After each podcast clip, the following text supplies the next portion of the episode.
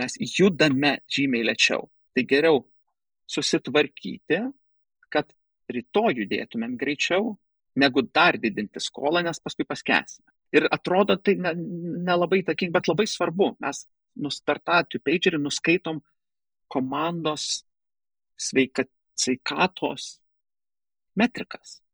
Ar tikrai komandą galime išsiųsti į mūšį, jeigu iš tikrųjų jai dabar tinkamas laikas, nu, būtinas laikas yra susitvarkyti techninį produktą, nesvarbu, kas, kas bebūtų.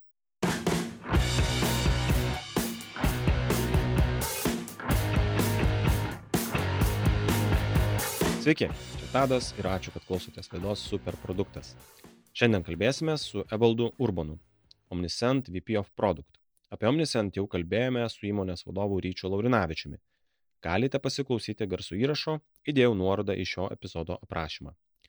O Evaldas yra didžiausia produktinė patirtį turintis iki šiol kalbintas superprodukto pašnekovas.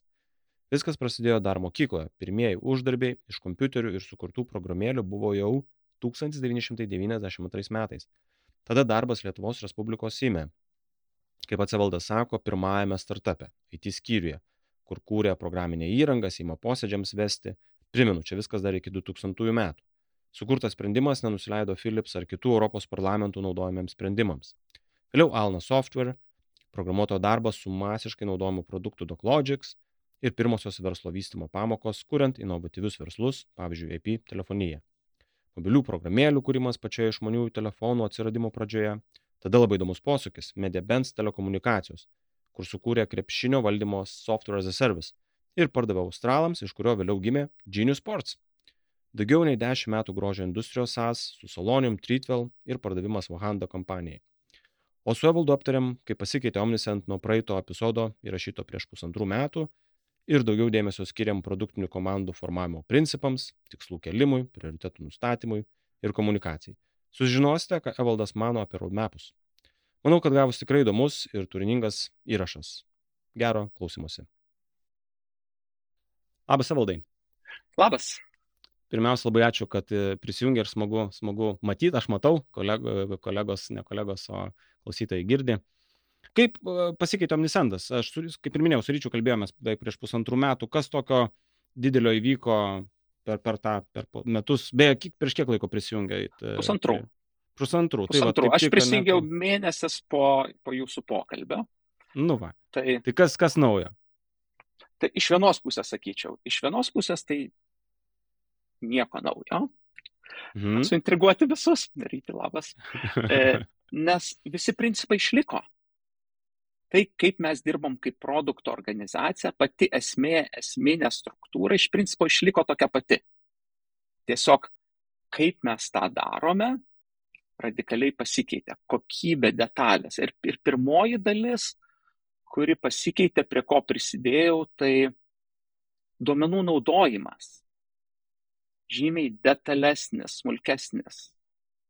E, aiškesnės metrikos, metrikos, kurios yra unikalios, svarbios mūsų verslui, mūsų kliento aktivacijai ar, ar e, engagementų su produktu, išgryninimas, atradimas, sutarimas, matavimas, tada istoriškai žiūrėjimas ir dar kruopštesnis, tikslesnis mūsų sprendimo sėkmės ir nesėkmių vertinimo įrankių atsirado pas mus suvokimas ir tulsetas. Ir šitoj vietoje aš dar ką toliau pabrėžčiau, kad jis apėmė jau ir ne tik produkto organizaciją, kur man atėjus jau buvo neblogai, bet jis apėmė ir visus kitus skyrius, ir skaitant marketingą, performance marketingą, nes kadangi pas mus tam, kad naudotis produkto nereikia pardavėjo, produktas pats save parduoda, tai va tas sujungimas marketingo įžvalgų optimizavimas, marketingo pagal kriterijus, pagal tai, kurie klientai iš kokių kanalų geriausiai, sėkmingiausiai naudoja mūsų produktą, viskas yra automatizuota. Ir čia kartu su, su, su be, be, besiplečiančia, beaugančia marketingo organizacija pas mus. O kaip trumpai dabar priminimui, mes tikrai su Ryčiu ko gero šnekėjom, kaip dabar atrodo Omniscent struktūra? Padalinių ten, trumpai tiesiog, ne, va, pagrindinės mhm. struktūros. Tai iš principo e, visa, visą organizaciją būtų turbūt galima su, suskirstyti į keturis padalinius, pavadinkim. Tai yra produktas, kas apima produktas ir inžinieringas, yra go to market su visu sales marketingas, performance marketingas, yra client support ir education komanda ir yra administracija, kurie įgalina mus be problemų dirbti. Ok, tokia klasikinė. O kaip, kaip atrodo produktinė organizacijos dalis? Koks skaičius komandų yra produktinių, jeigu taip vadinate, ne? Tiesiog kiek, kiek žmonių, truputėlį tokia įžanga ir jau tada galėsim gal perėti prie tokių kertinių produkt Tai, management. tai jo, kad, kad suprasti, kaip veikia produktinė, ar kaip, kaip sakiau, produkto organizacija, mes, kai, kai sakom produkto organizacija, mes turim omeny ir inžinierius, tame tarpe ir produkto dizainerius ir visus. Tai e, esame dviese mes VPs, tai e, Tomas yra atsakingas už visą inžinieringo kraftą, VP of Engineering, ir aš esu atsakingas už produkto kraftą, kas yra tiek produkt managementas, tiek produkt dizainas, tiek visi data dalykai, tiek produktai, tiek už produkto. Tai jeigu čia žiūrėt vienu lygiu žemyn, tada jeigu žiūrėt dar lygių žemyn, tai mūsų organizacijoje yra, gal kiekis e, komandų plus minus skiriasi, bet jis yra apie 13. Apie 13 komandų iš visos kuria vieną ir tą patį produktą produktas yra vienas, komandų skaičius 13. Tai kad, kad dirbtų, veiktų organizacija sklandžiai, kaip planuot, kaip, kaip, kaip executint, yra niuansų, nėra taip paprasta, kaip atrodo. O vat, viena tema įdomi, ne, iš karto komandų formavimas. Vienas produktas, 13 komandų. Pagal ką paskirstot komandas? Kokie čia principai? Kažkokie pagal user journey etapus, kažkoks kit, kitoks, kaip, kaip pagal funkcinės kažkokias produkto dalis, kaip paskirstyta pas jūs? Yra? Tai pas mus yra paskirstyta visos, iš principo, komandos arba yra platforminės, kas daugiau yra inžinieringo daly, tai kurios įgalina kitas komandas dirbti greičiau, kokybiškiau, skaitant visos ir, ir, ir, ir hostingą, serverį ir taip toliau, apie kurias turbūt neįsiplėsime. Bet toliau didysis įdomumas yra, iš viso yra devynios e, kaip mes vadinam, experience kūrimo komandos. Tai yra tos komandos, kurios betarpiškai tiesiogiai kūrė tą produktą, kurį galima nupačiupinėti kompiuterį per klaviatūrą. Ar ne, tai viso yra devynios. Ir visos tos devynios komandos yra padalintos į tris grupės. Yra trys direktoriai ar, ir trys, ką mes vadinam, velių streamai. Tai jos pagal savo tematiką ir specifiką yra sugrupuotos. Tai turbūt pradėkime nuo didžiausios, turinčias penkias komandas, didžiausio value streamo, kuris vadinasi Omnichannel. Iš principo tai yra tas value streamas, tokios komandos, kurios ir sukuria tą bazinį produkto funkcionalumą. Kadangi mes esame marketingo platforma, e, skirta e-komercijos verslams, e-shopams, prastai pažiūrėjus, tai ten yra penkios komandos, Viena komanda yra atsakinga už e-mailų gaminimą, dizainą iš, iš principo. Kita komanda yra atsakinga už formas, už informacijos surinkimą, už subscriberių surinkimą. E, trečia komanda atsakinga už klientus, klientų, klientų atributų segmentavimą, profiliavimą.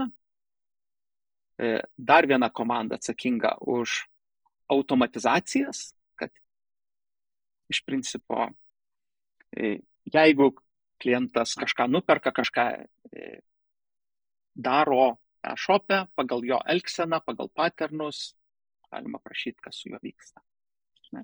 Ir, ir paskutinė komanda yra atsakinga už, už iš principo deliverability komandą, kuri pristatytų tas žinutes, kurios tam tikriem klientam su tam tikru turiniu, tam tikrų momentų yra išsiunčiamos. Tai vad vienas value streamas yra iš principo tas, pavadinkim, bazinis produkto marketingo funkcionalumas. Ir tada visas domenas tos ryties yra pas vieną produkto direktorių, ten taip yra daug tų persidengiančių dalykų ir labai tada paprast, nu, žymiai paprasčiau dirbti, kada yra vienas vadovas, suvaldyti priklausomybės, dependencijus ir kitus dalykus.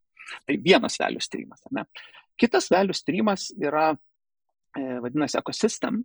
Tai iš tikrųjų, tam, kad visas mūsų marketingo produktas veiktų, kad būtų ten duomenų, tų signalų, išvalgų, tai mums reikia prisijungti prie e-komercijos platformų įvairių skirtingų Shopify'us, WooCommerce, WooCommerce ir kas tik nori. Ar ne? Tai tada yra komandos būtent e-commerce value stream, viena iš komandų yra atsakinga tai, kad susijunginėti su vat, skirtingais, su skirtingom e-commerce platformom ir tas mūsų produktas, kurį sukūrė Omnichannel value streamas, nors ir produktai e-commerce yra skirtingi, bet veiktų vienodai kad nu, nereiktų trijų produktų. Tai vat, visos tos integravimas suvienodimas yra. Ne? Ir tuo pačiu ten yra ir, ir, ir, ir plus technologinių partnerių pritraukimas visos ekosistemos, e-commerce kūrimas, apstoras yra tenai. Iš principo įvairaus tipo integracijos ir sujungimai. Arba mes su kažkuo, arba kažkas su mumis. Taip supaprastinus, ar ne? Ir API užkūrimas, kad kiti galėtų, kad būtumėm atvira platforma ir žmonės galėtų integruotis. Tai vat, labai jau kitoks value streamas su, trup, su visai kitokiam kompetencijom, tada vėl vienas direktorius komandos viduje pasikoordinuoti, lengviau jau priimti tam tikrus sudėtingesnius sprendimus mažesniam rate, ant pačiam value stream. Ir tada trečias value streamas yra growth. Dvi komandos, tai yra atsakingas už klientų registraciją. Tai marketingo komanda yra atsakinga už visus websaitus, trafiko, potencialių klientų atvedimą iki mūsų websaito, bet tada jau, kai paspaudžia, aš noriu bandyti Omnisendą, visas sign-upas, registracija, loginas, jau yra tos komandos. Ir tos komandos atsakomybė irgi yra pravesti klientą, onboardinti, nes vėl klientų pas mus yra 70 tūkstančių, o kliento aptarnaimo skyrius yra iki 20 žmonių. Tai yra labai daug yra visko įdėta į produkto vidų, suprogramuoti tie best practices. Ne?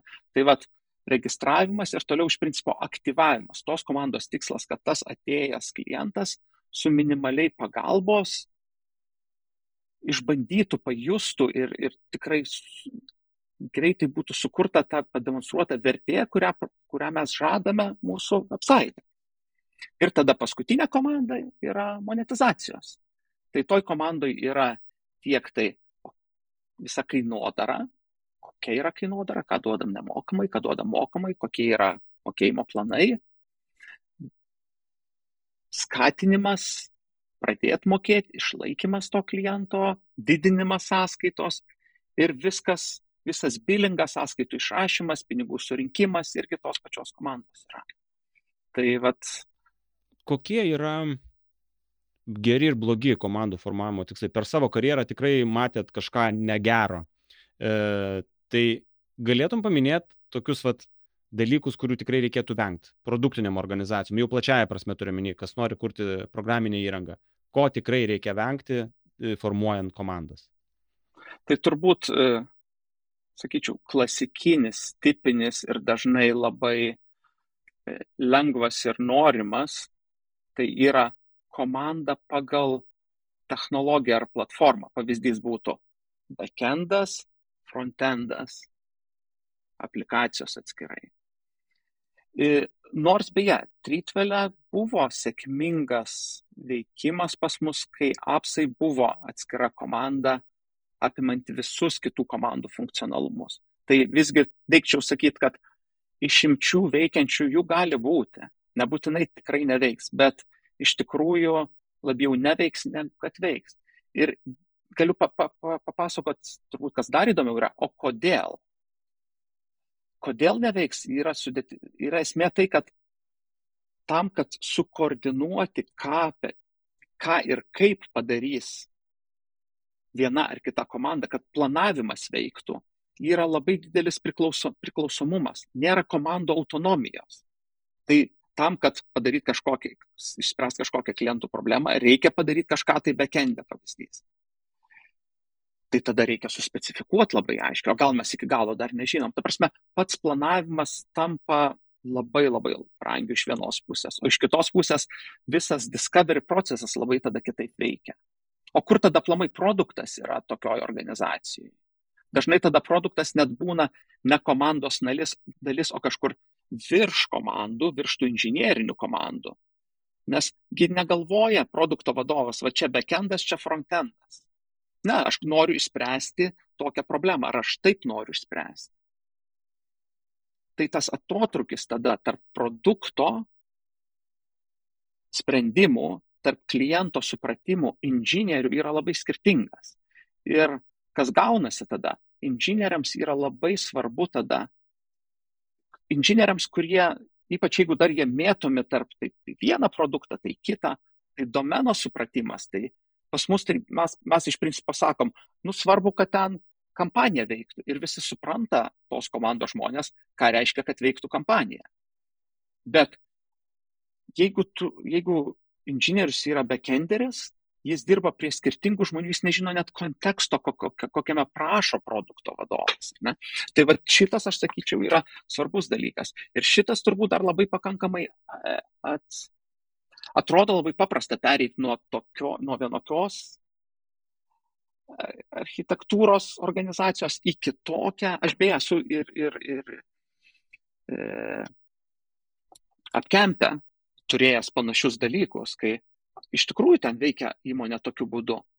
Aš surandu problemą ir klientą, aš parduodu sprendimą, aš su kolegom sugalvom, kaip ją įspręsti, suspecifikuojam ir dviem, komando, dviem skirtingom įmonėm išoutsourcinam vienai backentą padaryti, kitiem apsą pagaminti. Bet čia iš principo vis tiek vėl yra ne produkto kūrimas, o paslaugos kūrimas bet, bet, bet labai labai vis tiek, e, nu, product centric. Tai, nu, tai iš tikrųjų iki tos esamos situacijos aš perėjau per visas kitas įmanomas ir buvo labai įdomu paskui nu, sustebėti, suprasti kartais, kur veikia, kaip veikia. Ir buvo daug sėkmingų kompanijos. Jeigu yra kitaip sudėliota, nereiškia, kad kompanija ar produktas nėra sėkmingas. Yra pilna Lietuvoje kompanijų, kurios yra, neturi dedikuotų ir tokių nedirba, taip ir mes, yra puikiai sėkmingos. Puikus produktai. O tai kodėl reikia tada padaryti, kad, na, nežinau, value streamai būtų, kad būtų mažiau dependenčių, jeigu veikia tas klasikinis, funkcinis kažkoks pasiskirstimas? Ką duoda tas, vat, kitoks, tai yra priklausomybių eliminavimas, konteksto supratimas? E, iš principo, scalability, aš sakyčiau, daugiausiai duoda, kiek kokį ir kokią kokybę gali daryti. Nes visgi, kai yra viskas koncentruojama viršui, tai labai svarbus viršui esama, yra priimami sprendimai. Okay. Čia labai svarbu, aš įsivaizduoju, nes visos kompanijos, kurios daro produktą, na, dauguma, nenoriu sakyti visos, ne, vis tiek turi tikslą plėstis, aukti ir tada tas atsiranda augimui. Kaip tik dabar apie Amazon knygą skaitau, jie irgi panašiai turėjo, buvo komandos tokios visos apie viską, visi priklausomi vienas nuo kito ir tada kur tas greitis ir tada sugalvoja ten dviejų picų taisyklė ir paskui tas uh, single threaded tokie atsakomybės, kad tu atsakingas tik už vieną dalyką ir tu gali tą padaryti vienas be kitų. Tai labai kartojasi, sakyčiau, šitą. Ir, ir turbūt, nu, tai čia iš, iš, iš organizacijos pusės, bet galima pasižiūrėti ir iš, iš specialistų, iš darbuotojų pusės. Tai iš tikrųjų pakankamai smarkiai krypsta visa, visa vadyba, kad žmonės nenori jaustis varšteliais, žmonės nori dalyvauti sprendimų prieimime. Ir iš tikrųjų tada jau darbo rinka, specialistai renkasi, į kurią įmonę aš noriu eiti dirbti. Ar aš noriu eiti dirbti, kur man pasako, ką ir kaip turiu daryti, ar aš noriu tobulėti ir nėra lengva, bet gali daug tobulėti ir daug mokytis ir aš turėsiu daug laisvės, aš turėsiu tikrai mano sprendimai turės labai daug įtakos, kokį produktą aš sukursiu. Ir pas mus omnisendė taip yra. Mm. Valdai, tikslai. E, yra komandos, aš suprantu, pas jūs kiek, kiek įmanoma autonomiškos, tikriausiai ten tokių, nu, tos, to, to tobulinimo yra, bet kai turim komandas ir tam, kad jos judėtų tinkamą organizacijai linkme, tikslai atsiranda svarbus. E, pakalbėkime apie tikslus, jų kelimą, kaip suderinti verslo, tos biznio, sakykime, finansinius tikslus, o ne ten pajamos, uh, kaštai kažkokie mažinimas, galbūt kašto, ne su produktiniais tokiais uh, naudotojų elgsenos pakeitimais kažkokiais ir taip toliau. Kaip suderinti tai, kaip kelti tikslus, kaip jūs tą keliat, kokius naudojat metodus. Tai turbūt aš pradėčiau tą pasakojimą, nes aš manau, jis pakankamai svarbus yra, kad suprasti, kaip mes dirbame nuo, kaip vyksta pas mus planavimas, koks yra high level planavimo procesas. Tai viskas prasideda nuo to, ar viską suvienyje, prasideda nuo įmonės tikslo, kurį mes apsibrėžiam, iškeliam kaip egzektyvas ir jį apibrėžiam kartą į ketvirtį visai organizacijai. Mes kaip organizacija norim pasiekti pat štai tokį tikslą per ateinančius šešis mėnesius. Ar vienas tikslas, ar aibėjų? Jų yra keletas ir to vietoj galima iš tikrųjų sustoti. Šiai, šiai dienai Omnisendas turi vieną. E, buvo momentų, kai įmonės tikslų buvo trys, bet e, Tritvelę aš dirbau, kai įmonės tikslų buvo, būtent tų tokio pačio lygio įmonės tikslų buvo 12. Tai man turbūt nereikia pasakot, kokie buvo, beje, galiu specialiai papasakot, kur yra challenge, ar ne, ir pliusai minusai.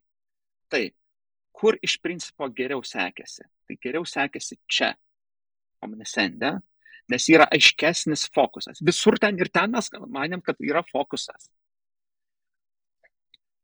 bet tą išgryninti tikslą mums yra žymiai sunkiau omnisende, daugiau darbo ir debatų padarom anksti, pavadinkim, už visą organizaciją, atsirenkant, kas svarbu, kas nesvarbu.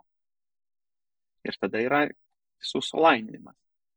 Tuo atveju, kada yra taip, atrodo gerai, daug tikslų, bet tada vienos komandos prie vienų, kitos prie kitų, o tada pradeda konfliktai, to kuris svarbiau, konfliktuotų ramenį dėl resursų, nes reikia kažkurios komandos indėlio, kad ir vienam, ir kitam. Tai iš tikrųjų atrodė geriau, bet praktiškai ne. Ir, ir ten, ir ten beje naudojame mes e, objectives ir key results, kokią principą. Tai Bet čia tas tikslas pas jūs, atsakot, vienas yra tikslas, ne? Tai jisai koks? Būti lyderiu kažkur, ar jisai toks labiau konkretesnis, e, kaip, kaip jisai suformuojamas ir kaip tada važiuoja žemyn? Tai e, jeigu žiūrėt visą OKR frameworką, tai objective yra pakankamai aspiring, tai yra tai, ko mes siekiame, o key rezultai tada, kaip mes pamatuosime, kad mes tą pasiekėme. Na, tai vienas yra, nusako, krypti ir inspiraciją duoda, o kitas realiai pamatavimas.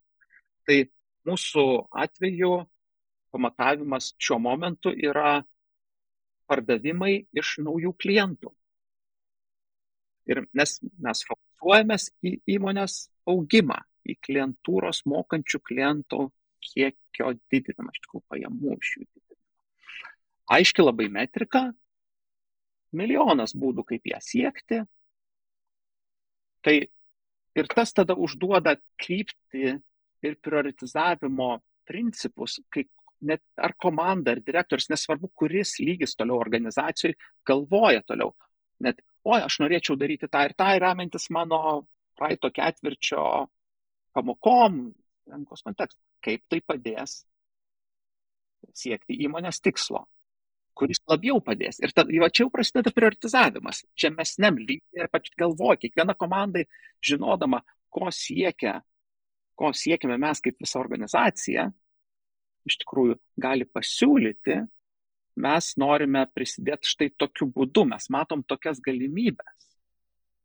Mhm. Tai prisidėjimas atsiranda, ne? Yra iš viršaus tikslas, mes norim pritraukti naujų, naujų mokių klientų ir tada komandos kaip prioritizuoja, tai būtinai pakalbėkim, kaip tą prioritizavimą jūs darot. Taip, bet aš to, to iki, iki detalių darysiu, bet vis tiek svarbi dalis yra e, tai, kuris, kas yra labiau vienas ar esminis fokusas visos organizacijos. Pusiai metų mūsų atveju. Ne, me, ne metai, ne trys mėnesiai, pusiai metų. Tai yra geriausias balans. Beje, daug eksperimentavom irgi ir aš daug dalyvauju su egzektimais tą dalyką išdirbti. Metai per ilgai, trys mėnesiai per didelis kaštai kaina tą daryti. Pusę metų yra bent omnisendė labai labai gerai. Kodėl trys mėnesiai dideli kaštai? Ką turi minėti? Tam, kad pasiruošti kokybiškai planuoti, reikia daug analizių pasidaryti irgi. Tai jeigu darome, pasileidom ketvirtį, tipiškai pasiruošti nu, pusmečio ar dideliam raundui gali reikti mėnesio, tai ką mes du mėnesius padarom, jau pradedam ruoštis iš naujo. Mes validuojam, ar vis dar tai yra svarbu. Ir čia va, turbūt irgi vienas iš tų įdomių pamokų, kad nu, nereikia tik, ta prasme, kas yra geras tikslas. Per didelis blogas, per mažas blogas. Ir, ne, ir, ir, ir, ir, ir skirtingose kontekstuose, aš sakyčiau, ir skirtingose organizacijose, aš matau, yra nu, skirtingas teisingas tas sweet spotas. Tai vad, organizacija planuoja pusmečiais pas mus. Tada komandos e, planuoja savo ambiciją, ką nori pasiekti komanda ketvirčiais. Iš principo, tipiškai būna trys, kiekviena, kiekvienai komandai geras kriterijus yra trys golsai, trys misijos, trys tikslai, kaip tą pavadinsi, ką nori pasiekti. Dar gali komanda nežinoti tiksliai, kaip pasiekti, kokius žingsnius daryti, bet jau tada remiantis įmonės fokusų komanda žino, okei, okay, tris mėnesius mes jau esame nuspėjami, galime patys planuotis. Nieko iš mūsų netikėtai nepaprašys dažniau. Nesgi labai lengva, ypač kai yra neempowered komandos, oi kažkas judėjo rinkoje ir, ir ateina iš, iš egzekų ar iš generalinio, pulkime daryti šitą, ką darėm, ne, nesvarbu. Tai ta, ta, tas, tas, tas yra užtikrinta iš principo pas mus. Ar mes svarstom, ar reikia disruptinti? Svarstom. Ar būna, kad pakeičiam? Būna. Bet labiau tai yra išimtis ir, ir atskiras procesas negu kad taisyklė. Tai komandos yra užtikrintas tas stabilumas, kad gali planuotis ramiau. Ir tada yra komandos tikslas ketvirčiai, bet ką mes iki ko esame jau prigyvenę ir čia pasi, bet, tas pasikeitė per pastaruosius pusantrų metų. Bet detaliai, ką konkrečiai ir kaip komanda kiekviena padarys, planuojama kas mėnesį. Kiekviena produkto komanda susiplanuoja konkrečius, aiškius, dar aiškiau pamatuojami žingsnius, žing, tikslus. Nes suplanuoti, suprasti, ką, kaip darysime po trijų mėnesių, mes nežinome, mesgi tiek daug išmoksime spręsdami problemą, nėra prasmės. Tai, tai dėl to yra kasmėnesiniai. Tada paprasta, greita yra, kaip aš vadinu, raumuo susiformavęs jau daug maž. Suprantam didelį tikslą, pagalvom, okei, okay, ką šiandien žinom, ką geriausia galima padaryti per sekantį mėnesį. Įsivardinam ir bandom daryti. Arba pavyksta, arba nepavyksta. O čia kažkokius reviewsus darot kas mėnesį tada, kad, nu, pažiūrėt, aha, ką išmokom ir kas, kas toliau? Tai daro pati komanda, pats procesas yra, kad komanda žiūri, ką pavyko padaryti, ko nepavyko, ką naujo išmoko ir ką reikia dabar daryti sekantį mėnesį, tam, kad siekti tų tikslų, kurie buvo sutarti, tam ketvirtiniam plane. Tai irgi sudėtinga transformacija, bet aš sakyčiau, jau daug maž esame įsivažiavę į tokį procesą. Tai vad ketvirtiniai, ketvirtis yra organizacija, komandos tikslas yra, nu, kaip ir fokusos rytis ir grubus labai siekiai, ką nori pakeisti ketvirčiai ir tada kas mėnesį planuojam, žiūrim ir galime e, daryti korekcijas e, ir kitus dalykus. Ar jeigu reikia, jeigu keičiasi prioritetai, irgi yra tai geras būdas daryti tam tikrus pokyčius. Agility tiesiog pačios organizacijos didėja, dirbant tokiu būdu. Ir turbūt tada vat sujungiant dar kad papasakoti dar įvairių ir kitokių įrankių, metodų, ką mes naudojam, tai kaip vyksta tas susiderinimas, ką visgi komanda darys per tą sekantį ketvirtį. Ne? Tai iš organizacijos, priminsiu, ateina, koks organizacijos yra fokusas tam pusmečiui. Mes iš ne tik jį naudojame, mes pažiūrim iš principo tam tikrus strateginius, strateginės galimybės ar strateginės problemas, ar tokių yra ar nėra, kažkokių didelių, nesmulkių. Jeigu yra, mes papildom ir sakome prieš planavimą, atnešam į komandas, sakom, žiūrėkite, verslo kontekstas yra toks.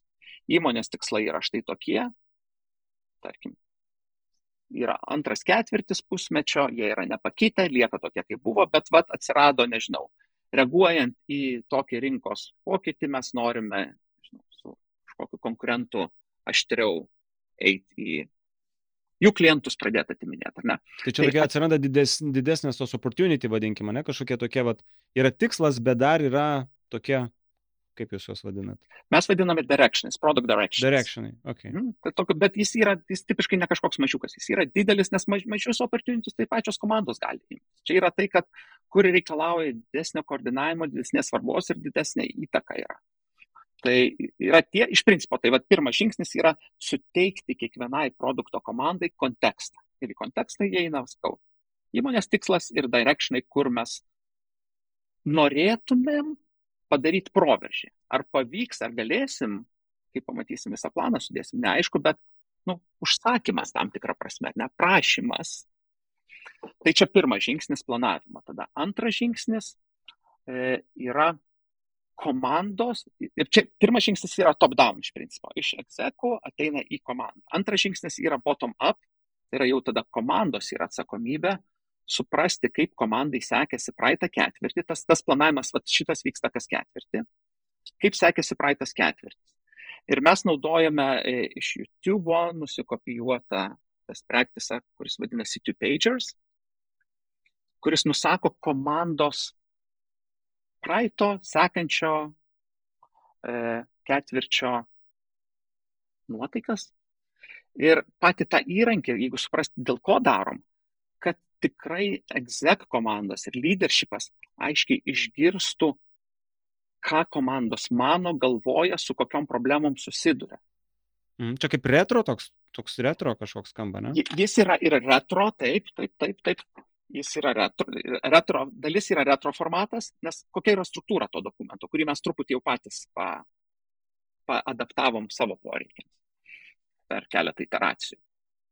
Tai pirmas. Esminiai pasiekimai komandos per pastaruosius, per paskutinius tris mėnesius.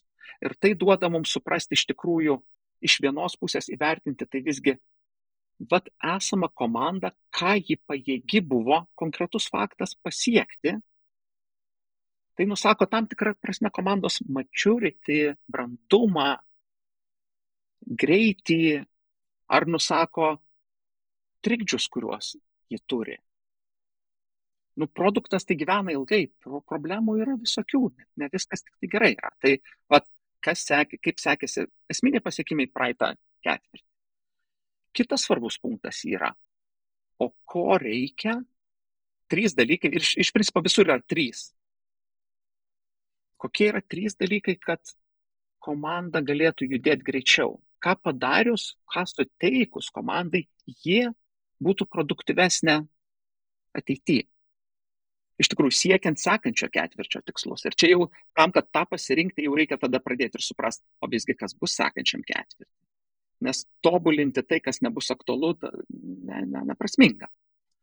Kaip atskirą klausimą mes esame įsidėję iš principo tiesiog komandos pačios vertinimą, kokia yra būklė pačios komandos, nu, vadinkim, dinamikos, bet dinamikos ne atmosferos prasme, o dinamikos labiau techninio kompleksiškumo prasme. Ir skalė yra nuo to, kad komanda skęsta visiškai skolose. Ir kita skalės pusė yra, kad komandoje viskas yra gerai ir komanda gali ir inovuoja. Ir per vidurį dar yra du punktai. Kaip komanda save mato?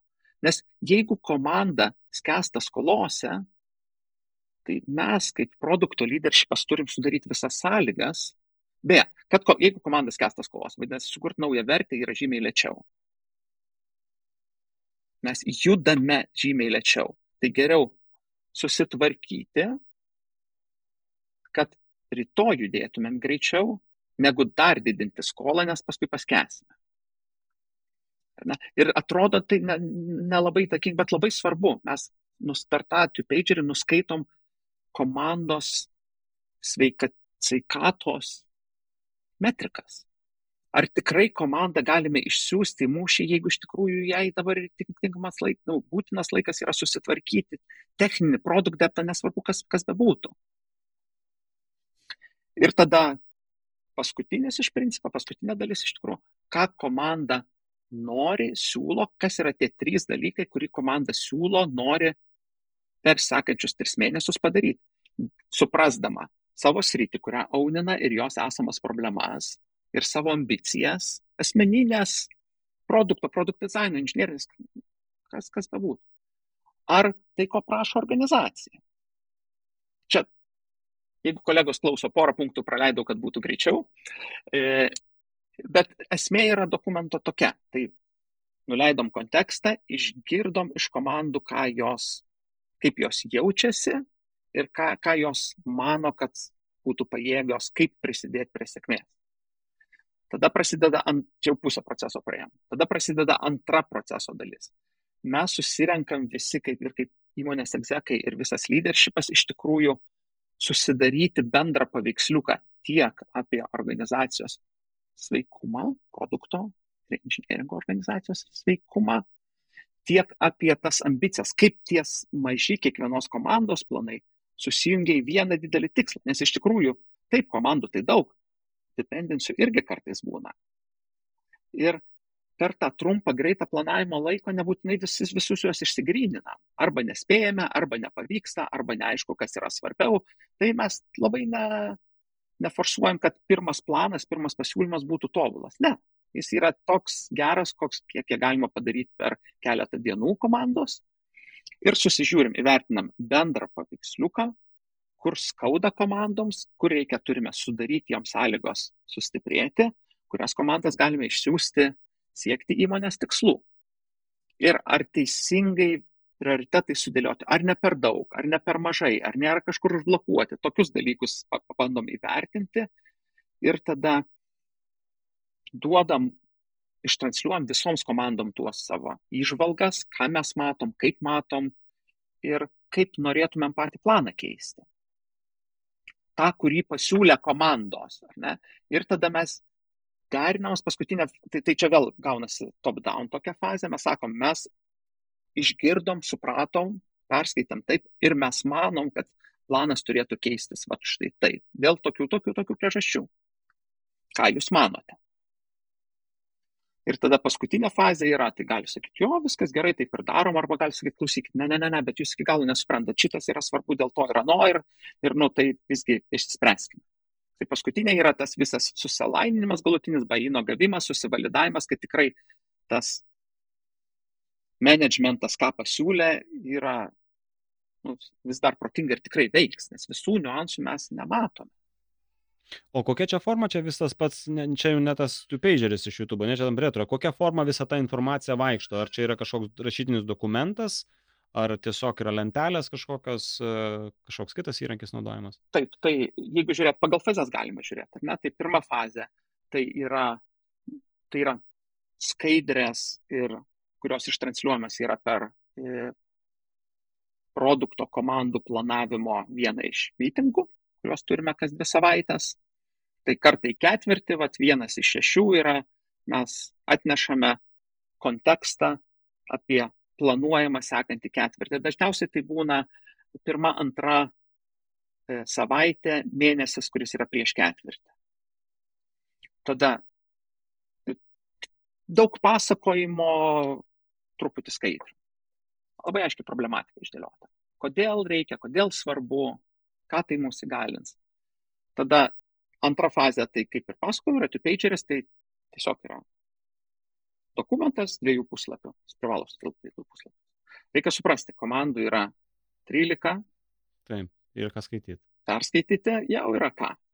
Tai tada sekanti fazė tai yra, ar jos viršui yra engineering manageriai kiekvienos komandos pristato tai visam produkto ir įmonės leadershipui. Pristato savo two-pagerius, mes užduodam klausimus, bandom suprasti, ar tikrai teisingai suprantam tą situaciją visą, ne tik remiamės ne tik pačių two-pagerių, bet vis be abejo mes iš anksto būnam perskaitę, ten daugiau tokia greita diskusija yra.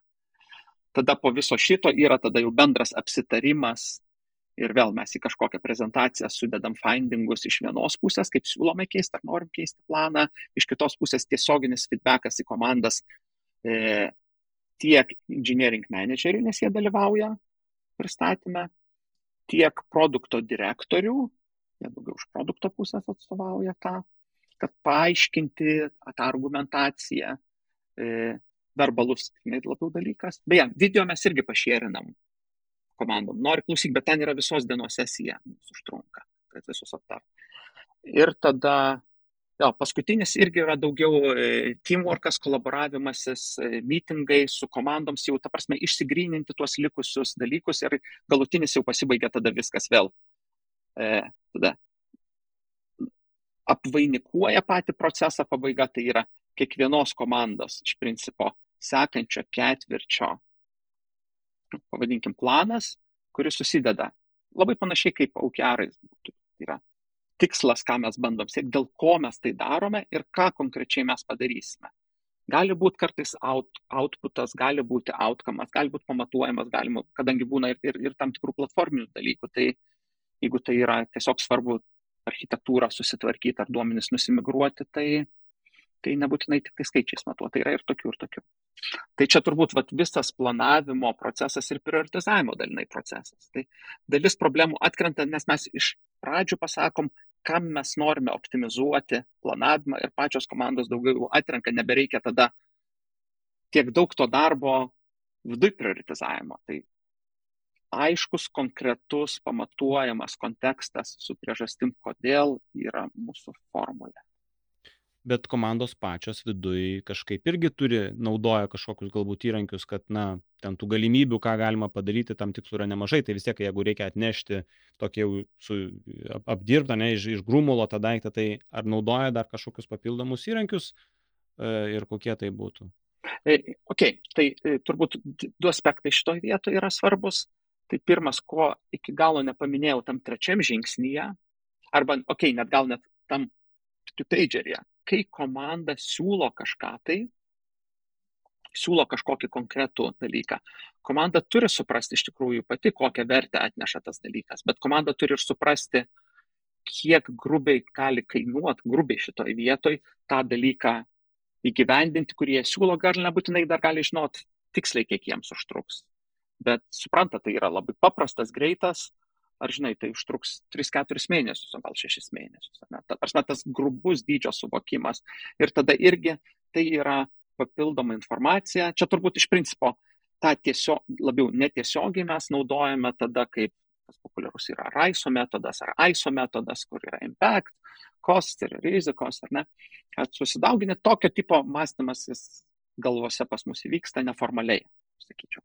Tai čia grubaus planavimo ar to stambaus planavimo fazėje. Turbūt kitas įdomus, svarbesnis dalykas ir, ir ta metodika, kurią mes naudojam, tai yra, okei, okay, o viso executiono metu, kur executionai įeina ir discoverio daug dalyko, nes kaip daryti, tai komanda sprendžia. Tai mes naudojame vadinamą pats principas, kurį followinama yra vadinamas GIST frameworkas, jis iš dalies yra miksas iš, iš, iš ISO, RISO ir, ir OKR.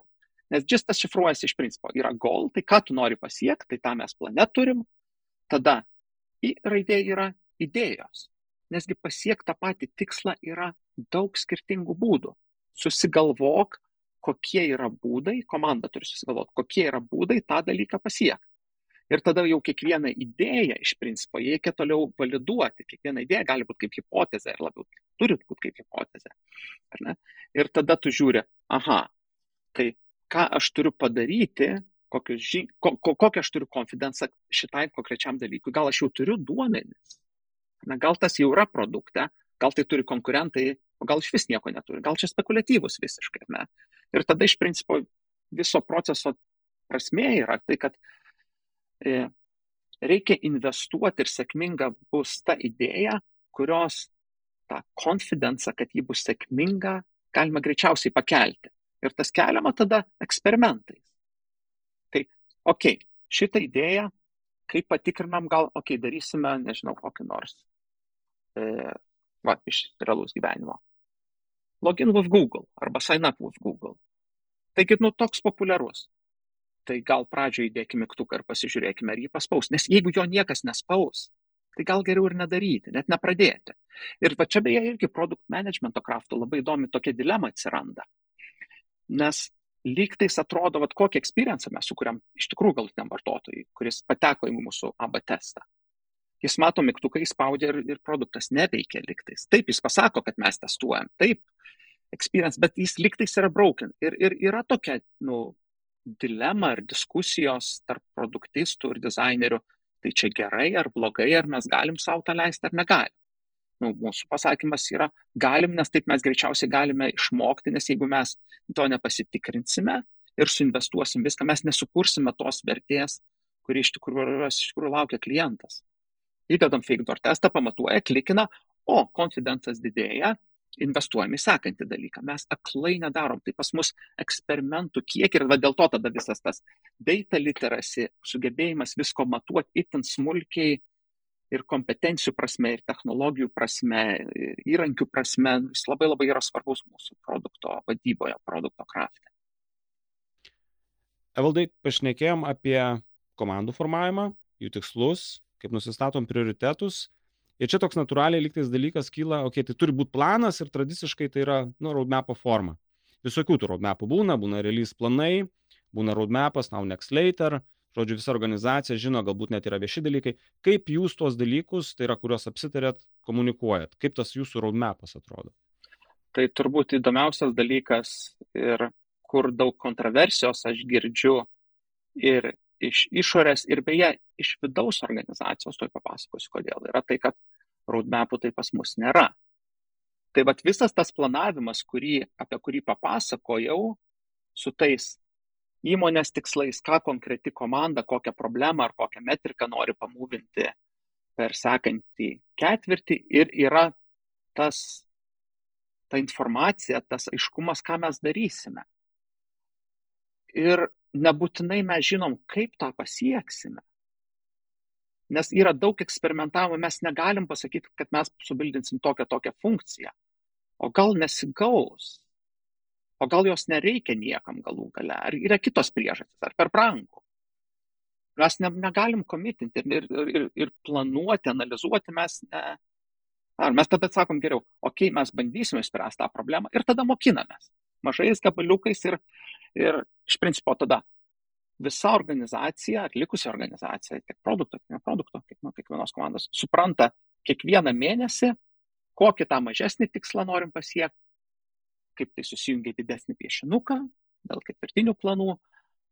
Ir yra iš principo komandos viduje jau pats ir discovery ir delivery vyksta labai greitais, trumpais ciklais. Komanda ji net pati identifikuoja iš, iš principo, ką ji darys sekančią savaitę, kokius eksperimentus darys, ką validuos, kokias rizikas vertins, o gal jau kažką gamins, nes jau yra prasivalidavę. Ir, ir tada pats, tai kaip padaryti, kad visa organizacija ir leadershipas ir visi kiti tą žinotų. Tai kiekviena produkto komanda kiekvieną pirmadienį parašo savaitinį progreso update. Mhm. Ir ko dirbo? Kažkok, ar, ar... Vat įdomiausia yra mhm. tada toliau, nes, nes, nes irgi kas pasikeitė per tuos pusantrų metų, tai vat kaip mes tą komunikuojame. Mes pradžioje komunikuodavom laisvą formą, e-mailas, rašykit.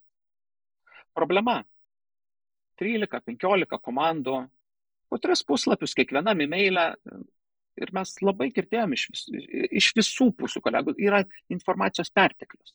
Ką mes išsigryninom ir išmokome, perėmėm iš tai tokį, va, dar vienas patarimas įrankis.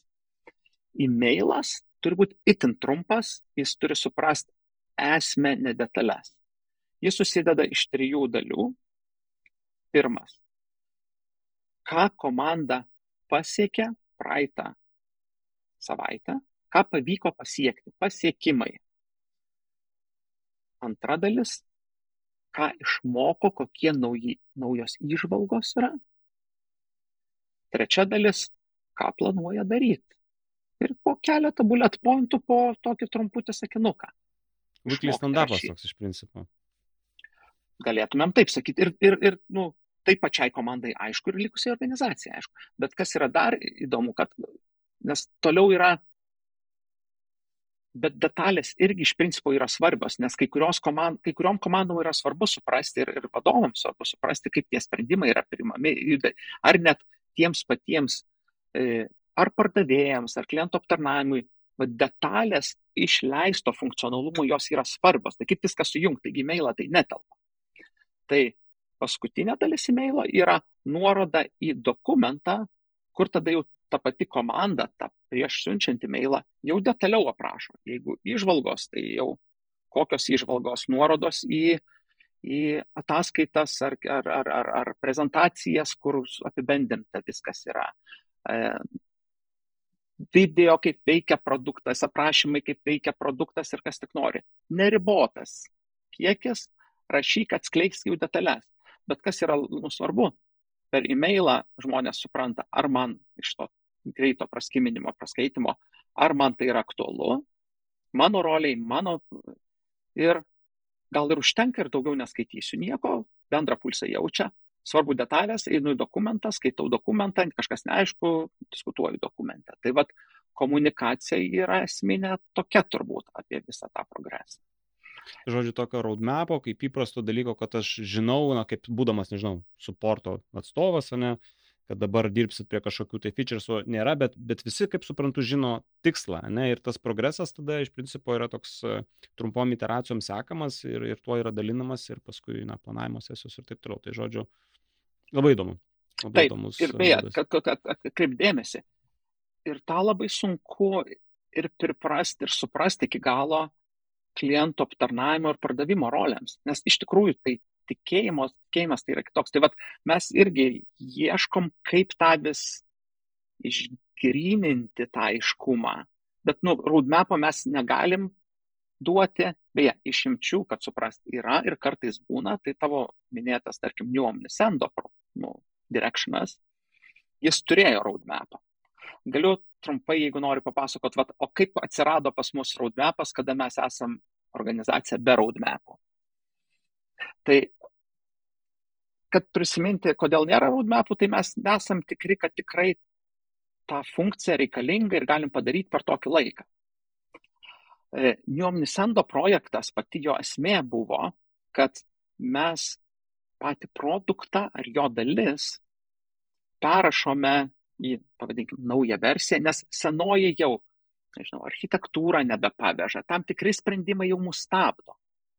Ką tai reiškia? Kad mes jau iš prieš tai buvusių patirčių duomenų puikiai žinom, ko reikia klientams ir kaip tai turi veikti, kaip suimplementuota tik tai turi pasikeiti. Gal duomenų bazės papačia turi pasikeiti.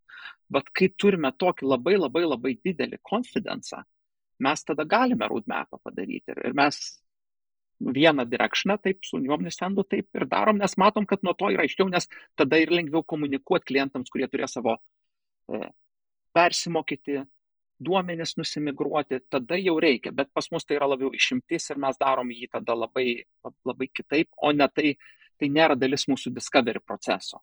Mhm.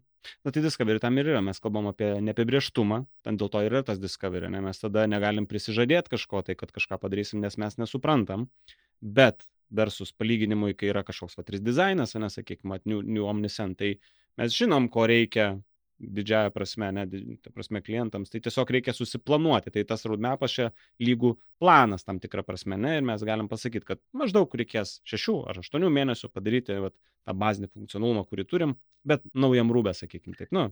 Taip, taip ir, ir, ir, ir vėlgi, tas mūsų tikėjimas tuo planu yra tada nuženkliai didesnis, nes priešingą atveju mes vėl galėtumėm pasakyti, bet, nu, kad gyvendinti labai sunku, nes nežinai, kaip, kaip kur užstriks nes mes vertiname kiekvieno projekto iniciatyvos sėkmę tipiškai ne tai, kad mes pagaminom funkciją, o kad mes pasiekėm tam tikrą, pavyzdžiui, adoptioną tos funkcijos, ar ta funkcija sukūrė tam tikrą vertę.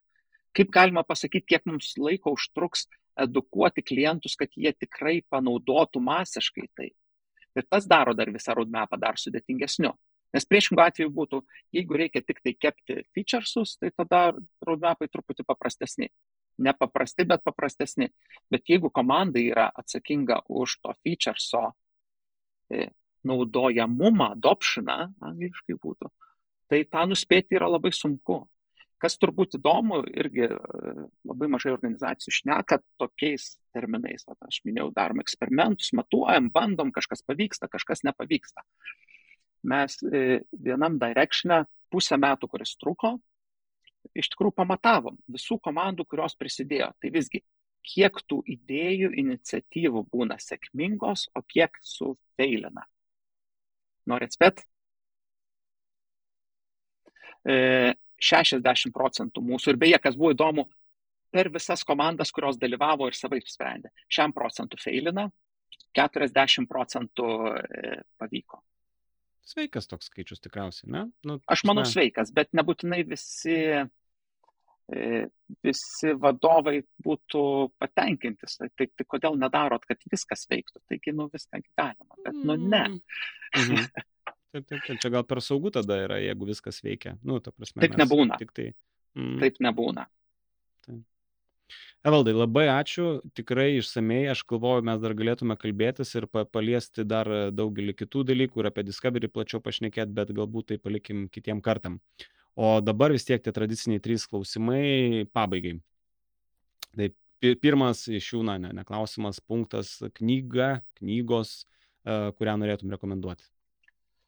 Tai trys trys iš tikrųjų. Tai pirmas yra trilogija knygų Inspired, Empowered ir Loved šiais metais išleista apie produkt marketingą. Žiauriai įdomi. E, manau, daug kompanijų straglina pasaulyje e, produkto marketingo tema. Tai šita, šita trijulė, manau, labai gerai atspindi ir tai, kaip dirbam, ir labai daug inspiravo mane, daug išmokau ir gavau konfidenco, kad taip reikia daryti. E, kita knyga yra Radical Candor, tai yra apie people management ir žmogiškumą ir kritiką ir kaip grįžtamą ryšį. Mhm. Grįžtamą ryšį, kaip auginti komandą, tas yra labai labai svarbu e, produkto organizacijose. Ir paskutinė turbūt product-led growth.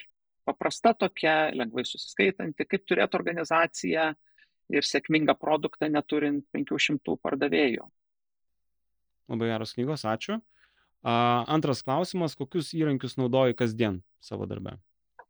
Tai pradėčiau nuo to, ko neįsivaizduoju darbo. Tai analitikos platformos, iš principo, trys įrankiai mano yra Supersetas, kur yra mūsų BI platformos frontendas, e, Mixpanelis, produkto visa analitika ir Chartmogulas, mūsų mokėjimo analitika. E, tada toliau kolaboravimas, bendravimas, slekas, ne e-mailas, gali būti diena, kai e-mailo ne, net nežiūriu ir nerašau, stengiuosi nerašyti. Manau, netaip efektyvu. Numeris 3 - kalendorius. Tai tikrai daug mitingų, daug šnekų, dinamiškai e, susitikinėjom, diskutuojam. Tada kita šventa triulė tai yra dokumentai, doksai, šytsai, slaidai, Google siūtas Ir paskutinis mano asmeniniam dalykam, kad aš likčiau produktyvus, tai Evernote'as. Tai kaip nepamiršti, kaip e, prioritizuotis, nu, labai būčiau prastas ir specialistas ir vadovas, jeigu net ne, nebūčiau atradęs to įrankio ir kaip jį teisingai naudot mano efektyvumui didinti. Nes tiesiog netelpa į galvą. Taip, taip. Nereikia visko atsiminti, reikia viską užsirašyti. ir paskutinis tada klausimas, koks būtų tavo patarimas produktistam? E, du kalbuosiu. E, vienas turbūt negalvok, neprojektuok funkcijomis, o žiūrėk į user flowsą, experience bildinimą. Viskas turi slysti lengvai, paprastai, ir kitas iš visai kitos pusės. Visko tobulai niekada nepadarysi. Prioritizuok, kas svarbiausia. Sunkus dalykas, bet be to neišliksi laimingas produktistas. Mm. Persidirbsi, pavargsi. Labai geri patarimai. Ačiū valdai, ačiū už laiką, ačiū už išsamų papasakojimą. Tikrai daug dalykų ir esmai papasakoji. Tai ačiū labai ir sėkmės. Ačiū tau. Ačiū, kad klausėtės. Tikiuosi jums šis epizodas patiko. Prašau pasidalinkite su savo draugais ar kolegomis. Tai man padės suprasti, kurios temos jums yra įdomiausios. Prenumeruokite ir palikite, prašau, įvertinimą Spotify, Apple Podcasts ar kitoje jūsų mėgstamoje audio platformoje. Daugiau laidų galite rasti superproduktas.lt. Ačiū ir iki.